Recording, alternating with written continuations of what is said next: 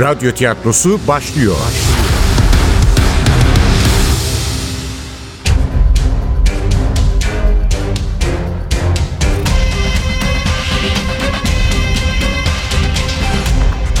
Sultanı Öldürmek 20. Bölüm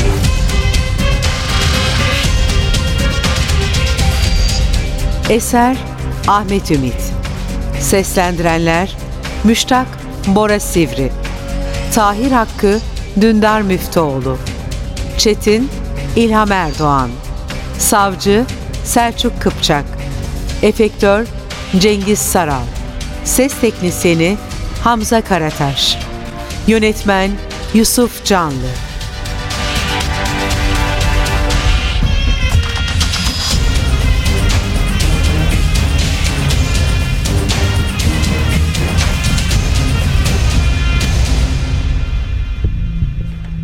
Siz rahmetliyi en son ne zaman gördünüz Müştak hocam? Nevzat'ın atladığı soruyu dile getiriyordu Çetin. Eğer Sezgin bu işten yakayı sıyırırsa suçu nasıl yapar da bu saftirik adamın üzerine yıkarız diye mi düşünüyordu? Yıkmak mı? Zaten Nusret'i ben öldürmedim mi? O zaman karşımdaki Osmanlı üçlüsünün bu işi bu kadar kurcalamasının sebebi ne? Yok. Öyle ya da böyle hoca ve genç şürekası bu cinayetle bir şekilde alakalıydı. Ee, dün öğleden sonra konuştuk işte. Yemeğe davet etti. Gelemeyeceğimi söyledim. Projesini anlattı mı sana? İşte sonunda Tahir Hakkı çıkarmıştı baklayı ağzından. Gerçekten de bir proje vardı. Fatih ve baba katilliği. Freud yanılmıyor mu demek? Ne Freud'u yahu? Ben yanılmıyormuşum. Tabii başkomiser Nevzat'ın da hakkını yemeyelim. Ne projesi? Ben de tam olarak bilmiyorum ama son iki yıldır daha sık gelmeye başlamıştı Türkiye'ye. Türkiye'ye sıkça gelmeye başlayan vefasız sevgilim ancak iki yıl sonra beni aramayı akıl edebilmişti demek. Niye bu kadar bekledi? Çünkü umurunda değildim. Çünkü beni çoktan silmişti defterinden. O zaman niye aradı? Hem de iki yıl sonra. Ne ikisi? Tam 21 yıl sonra. Ne değişmişti? Bana olan duyguları değil herhalde. Türkiye'ye gelince seninle de görüşmüştür. Ne de olsa eski arkadaşsınız. Farklı bir hukukunuz vardı. Merak etme, polise ilişkinizden söz etmedim tabii. Hiç gerek yok. O işgüzar polislerle boş yere başını niye belaya sokalım? Burada biz bir aileyiz değil mi? Kol kırılır, yen içinde. Sonunda suç ortaklarına beni de dahil edivermişti Tahir Hakkı. Evet hakim bey. Fatih Sultan Mehmet Han'a hakaret ettiklerini düşündükleri için ünlü sınırları aşan, konferansları bilim adamlarıyla dolup taşan, tarihin bilinmez sanılan sırlarını aydınlatan, ülkemizin parlayan yıldızı Profesör Doktor Nüset Özgen'i bilerek, isteyerek, tasarlayarak yani taammüden öldüren bu dört kişinin arasında en acımasızı maktulün eski sevgilisi Müştak Serhazin adlı şahıstır. Sahi, Nusret sana Türkiye'ye neden bu kadar sık geldiğini anlattı mı hiç? Kaygı dünyamdaki mahkemenin yerini gerçek hayatta Tahir Hoca almış, beni sorguluyordu işte. Birden kendimi inanılmaz derecede küçük düşmüş hissettim. Tahir Hoca, Nusret'e olan hislerimin değişmediğinden haberdardı. Vefasızlığına, kadir kıymet bilmezliğine, acımasızlığına rağmen onu hala sevdiğimi, sevmek ne kelime, onun için çıldırdığımı gayet iyi biliyordu. Bilmediği onun müştak serhazin dosyasını çoktan kapatmış olduğuydu. O yüzden yaşlı profesöre Nusret'in beni hiç aramadığını söyleyemedim. Anlatmadı hocam. N- çok sık görüşmüyorduk zaten. Aa, durun durun. Galiba baba katilliği meselesinden bahsetmişti. Patisi de mi? Kimmiş o babasını öldüren hükümdar? Ağzımı arıyordu. Bütün konferans boyunca tartıştığımız konuyu nasıl bilmezdi? Göstereceği tepkiyi öğrenmek istediğimden derhal açıkladım. İkinci Mehmet. Hayret, sadece Tahir Hakkı'nın değil, iki sinsi öğrencisinin de yüzünde derin bir şaşkınlık belirdi. Sanki benimle alay eder gibi gözlerini iri iri açarak sordu saygın hocamız. Nusret, Fatih'in ikinci Murad'ı öldürdüğünü kanıtlayacak bir tez üzerinde mi çalışıyordu? Yalan bir kez ağzımdan çıkmıştı. İnandırıcı olması için yaratıcı detaylara muhtaçtı. Ne demişti eski sevgilim? Sende yetenek var, neden yazmıyorsun? Biraz geç de olsa yazmaya başladım işte Nusret'ciğim. Galiba öyle hocam. Freud'un Dostoyevski ve Baba Katilliği diye bir makalesi var. Evet, şu başkomiser de bahsetti bu incelemeden ama ben bir alaka kuramadım. İskemleme yaslandım. Üçünü de avucuma almıştım. Ya da öyle zannediyordum. Tıpkı sabahleyin polislerin karşısında olduğu gibi. Fakat eksik bir parça vardı. Eğer Tahir Hakkı'yla küçük çetesi Nusret'in çalışmasından bir haberse onu neden öldürmek istesinlerdi? Anlamak için yalanı sürdürmek gerekiyordu. Nusret'i bilirsiniz hocam. Sansasyonel işler yapmayı sever. Alakayı üzerinde toplamak için her şeyi yapardı. Yaşamımın anlamı olan kadına biraz haksızlık ettiğimi biliyordum. Ama karşımdakileri sınamaya mecburdum. Bence baba katilliği meselesinden yola çıkarak bir Fatih analizi yapacaktı. Daha önce hiç yapılmamış bir analiz. Ne oryantalist tarihçiler gibi Fatih'i her fırsatta eleştiren bir metin ne de bizim romantik tarihçiler gibi her koşulda sultanı göklere çıkaran bir çalışma. Babinger'in kitabı kadar kapsamlı bir inceleme. Üstelik bu defa hükümdarın psikolojik profili okura sunulacaktı. Takdir edersiniz ki Fatih'in karmaşık kişiliği sadece tarihçilerin değil, herkesin ilgisini çekecektir. Sanırım ilhamı da Freud'un o makalesinden almıştı. Babasını öldürmeyi düşünen büyük bir yazarın yerine babasını öldürmeyi tasarlamış büyük bir hükümdarı koyarak. Üçünün de yüzündeki şaşkınlık giderek derinleşiyordu. Çetin hala beni güvensiz gözlerle süzmeyi sürdürse de yaşadığı hayret Erol'un çenesini aşağı düşürmüş, ağzı yarı yarıya açılmıştı. Yoksa onlar da benim gibi rol mü yapıyordu? Üçü birden. Aynı anda aynı tepkiyi vererek. Böyle bir duygusal senkronizasyon mümkün müydü? Eğer yapabiliyorlarsa bu ekipten gerçekten de korkulurdu. Şimdi anlıyorum. Demek ki o sebepten ikinci Mehmet'in çocukluğuyla ilgileniyormuş. Hayır işte şimdi rol yapıyordu ihtiyar kurt. Az önceki şaşkınlığı gerçekti. Ama usulca yüzüne yayılmaya başlayan huzur, gözlerindeki sevince benzer ışıltı artık önemli bir sorundan kurtulduğunu gösteriyordu. Oysa çok tedirgin olması gerekirdi. Düşünsenize, eğer Nusret'i Fatih'i katil göstermek istediği için öldürdülerse, cinayet işleme nedenlerinin öğrenilmesi onları rahatsız etmeliydi. Ne Tahir Hakkı'nın ne de çömezlerinin öyle bir hali vardı. Bu gerçekten de enteresandı. Neler oluyordu? Nusret'in böyle bir projesi yok muydu? Kurduğum hayali gerçek mi sanmıştım? Ama bizzat hocanın kendisi bir projeden bahsetmedi mi? Böyle bir proje olmasa bu üçlü neden odama kadar gelsin?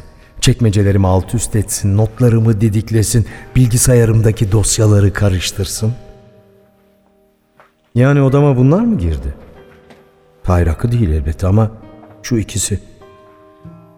Bir kez daha Çetin'in devasa bedenine baktım.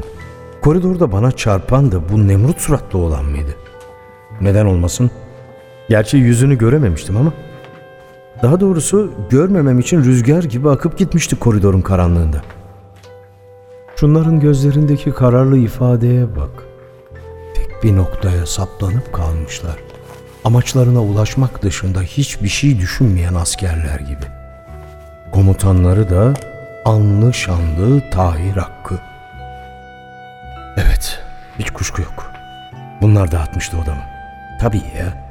Binanın her köşesini biliyorlardı. Anahtarlarımın nerede olduğunu da. Onlardan başka kimse giremezdi içeri. Peki ne arıyorlardı odamda? Ne bulmayı umuyorlardı? Eski sevgilimin projesiyle ilgili belgeler, dokümanlar, yazılar. İyi de Nusret'in projesi neydi? Anlaşılan Fatih'in baba katili olmasıyla ilgili bir vesika bulmayı amaçlıyordu Nusret. Şimdi anlıyorum. İkinci Murad'ın ölümü hakkında sorular sormasını. Çetin, seninle tartışması da bu yüzdenmiş bak. Ne? Nasıl hocam? Nusret'le tartışmıştınız ya. Ha evet. Hükümdarların öldürme sorumluluğu üzerine konuşuyorduk. Öldürme sorumluluğu değil, öldürme hakkı.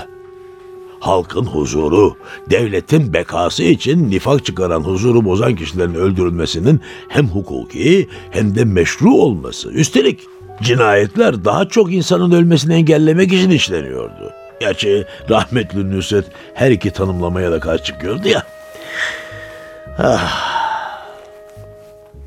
Haklısın Müştak. O hep ses getirecek işler yapmayı seçerdi. Çalışkandı çalışkan olmasına. Zekiydi ama her buluşu olay olsun isterdi. Her yazdığı makale fırtınalar estirsin. Üstelik defalarca onu uyarmama rağmen hiç vazgeçmedi. Ne yazık ki bilim ahlakını umursamazdı. Bunlar bizim elimizi ayağımızı bağlıyor hocam derdi. Herkese, her şeye boş vererek. Önemli olan yeni bir bakış açısı geliştirmek derdi. Aslında Nusret için önemli olan kendi adından bahsedilmesiydi. Bilim de ahlak da önemsizdi. Sadece bilim ahlakı değil ki hocam. Milletin değerleri de hiç umurunda değildi. Fatih Sultan Mehmet hakkında söylediklerini duymadınız. Neyse. Neyse. Nusret'e de haksızlık etmeyelim. O değerli bir bilim insanı, önemli bir tarihçiydi. Üstelik de benim de Müştak'ın da dostuydu. Üzülme Müştak. Bu gerçeği kabullenmeliyiz. Nusret öldü. Evet, Nusret ölmüştü. Onu öldürmüştük. Belki ben aşkıma karşılık alamadığım için, belki Tahir Hakkı şanlı hükümdarlarına hakaret ettiği için. Ben öfkeme yenilerek Tahir Hoca dünya görüşünün esiri olarak. Ne için yapmış olursak olalım sonuç değişmiyordu. İkimiz de alçaktık. Bu muhakkaktı ama alçaklığını katil olmaya kadar götüren hangimizdi? İşte meçhul olan buydu.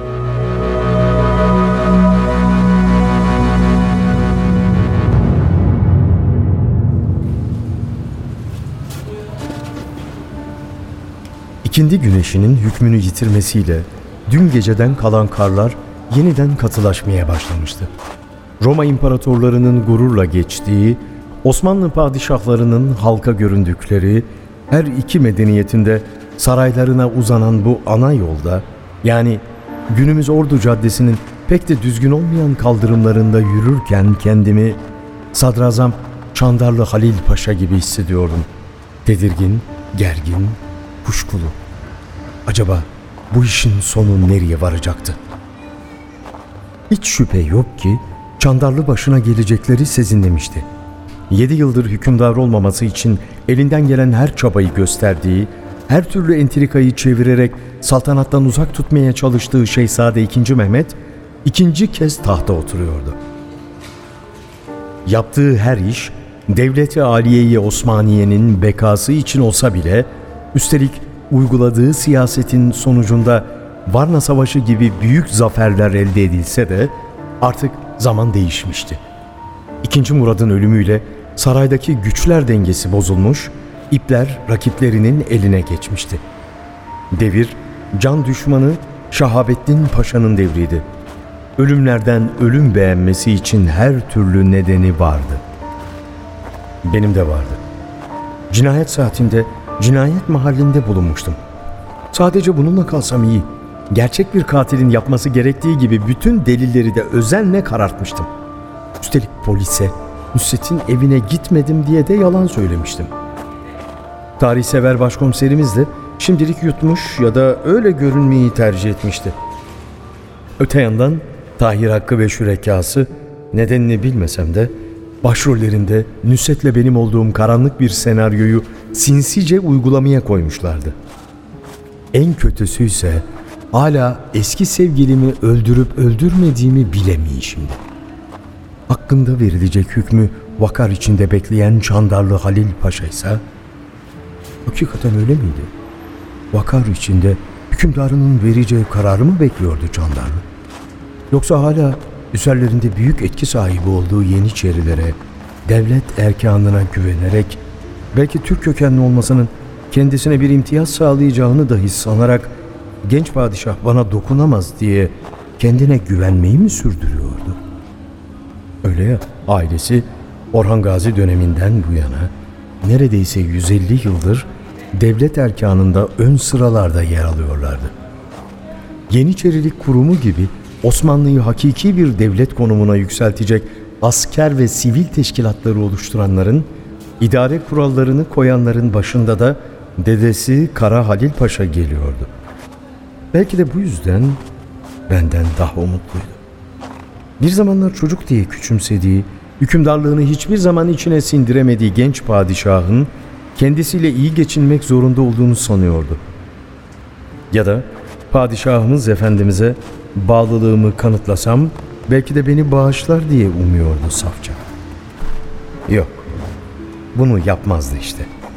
Kırk tilkinin dolaştığı, kırkının da kuyruklarının birbirine dokunmadığı sarığın altındaki kafasında en kadim bilgi sakın saf olma düsturuydu. Saf olan canlıların ne doğada ne de toplumda yaşama hakkı vardı. Saf olan bir vezir-i azamınsa Osmanlı sarayında en küçük bir şansı bile yoktu. Böyle düşünmesine rağmen genç sultanımız Mehmet bin Murat Han olanları unutur yahut devleti aliyenin kaderinde önemli bir rol oynamış ailemin hatırına ve de engin tecrübelerimden yararlanmak için öfkesini soğutur, sadrazam olarak kalmama izin vermese dahi belki vezir olarak beni yanında alıkoyar diye aklından geçirmiş miydi acaba? Kim bilir? Gerçi bu dik başlı, ele avuca sığmaz, sıra dışı şehzadeye yaptıklarını hatırladıkça ince bir sakalın süslediği esmer yüzü iyice kararıyor, celladın pis nefesini ensesinde hissediyor olmalıydı. Bütün bedenini ürperten bu amansız korkuya rağmen yine de bir devlet adamı olarak yapması gerekeni yapmıştı. Bahtının yıldızı sönünce 2. Murat Edirne sarayında son nefesini verince derhal Manisa'ya ulak çıkartarak Şehzade 2. Mehmet'i Edirne'ye tahta davet etmişti. Ben de yapmam gerekeni yapmalıyım. Tamam da yapmam gereken ne? Onu bir bilebilsem. İşte dirayetli bir devlet adamıyla beceriksiz bir tarih profesörünün arasındaki fark. Profesörün değil, katil. Daha doğrusu kendisinin katil olduğundan şüphelenen bir zavallının. Daha da doğrusu hayatta başarılı olamamış bir zavallının. Belki de bütün bu endişelerin boşunaydı. Belki de Nusret'i gerçekten de açgözlü yeğeni Sezgin öldürmüştü. Adam ifade vermeyi bile reddediyormuş. E demek ki sakladığı bir şey var. Zaten bizim ülkemizde öyle karmaşık cinayet olmaz ki. Ben paranoyakta kendimi suçlayıp duruyorum. Paranoyak değil, şizofren. Hem paranoyak hem şizofren. Aman her neyse işte. Her fırsatta kendini suçlamak için bir bahane yaratan ben akılsız da boş yere korkuya kapılmışımdır. Tıpkı Çandarlı Halil Paşa gibi. Çandarlı Halil mi? Hayır canım. Onun korkması için hakiki nedenleri vardı. İkinci Murad'ın vefat haberini alınca Arap atına atlayıp beni seven arkamdan gelsin diyerek gece gündüz yol aldıktan sonra tahta ancak babasının ölümünün 13. gününde çıkabilen 2. Mehmet Sadrazam Çandarlı'ya hiç de kötü davranmamıştı. Çünkü yeni padişah öfkesine yenilecek bir adama benzemiyordu. Hayır, bunu bir intikam meselesi olarak görmüyordu. Bu bir devlet davasıydı. Gerçi şehzadelik döneminde de ilk padişahlığı sırasında da onu ciddiye almayan, ciddiye almak ne kelime, rezil rüsva etmek için elinden gelen her kötülüğü, her melaneti yapan Çandarlı'dan haz ettiği söylenemezdi. Ama 2. Mehmet 19 yaşında olmasına rağmen hükümdar olmanın ne anlama geldiğini, sadece önemli alimlerden aldığı değerli derslerden değil, ihanetlerden devşirdiği acı hayat tecrübeleriyle de çok iyi öğrenmişti. Saray entrikası denen sinsi oyunun ne menem bir kahpelik olduğunu, Edirne'den kovulur gibi apar topar Manisa'ya gönderilirken bizzat tecrübe etmişti. Fakat nefretin sultanlığının önüne geçmesine izin veremezdi. Asıl mesele Çandarlı'yla siyaseten anlaşamamasıydı. Öfke geçiciydi, taht kalıcı. Öfke altın tahtı akılsız hükümdara mezar yapardı. Doğru siyaset akıllı padişahın adını tarihin sayfalarına altın harflerle yazdırırdı. Genç padişah bunu biliyordu. Sadrazamı kendisine yaptıkları yüzünden değil, ideallerinin önünde bir engel olduğu için halletmesi gerekiyordu. Fakat tahta çıktığı gün değil, en uygun zamanda. En uygun zaman genç padişahın büyük Fatih'e dönüştüğü zamandı. Konstantinopolis'in fethedildiği an. Başta Yeniçeriler olmak üzere devlet erkanının, ulemanın, genç padişahın önünde diz çöktüğü an. Beklemek gerekti.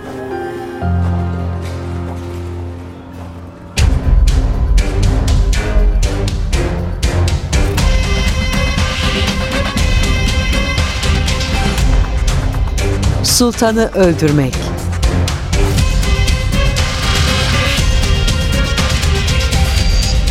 Eser Ahmet Ümit Seslendirenler Müştak Bora Sivri.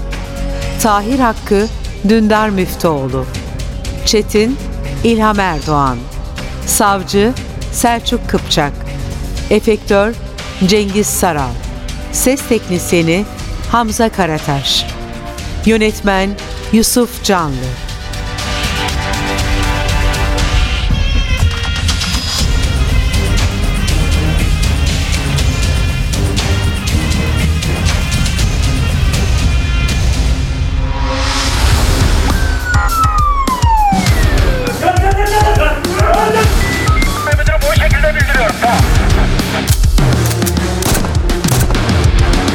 Radyo tiyatrosu sona erdi. Radyo tiyatrosu her cumartesi 11.30'da NTV Radyo'da.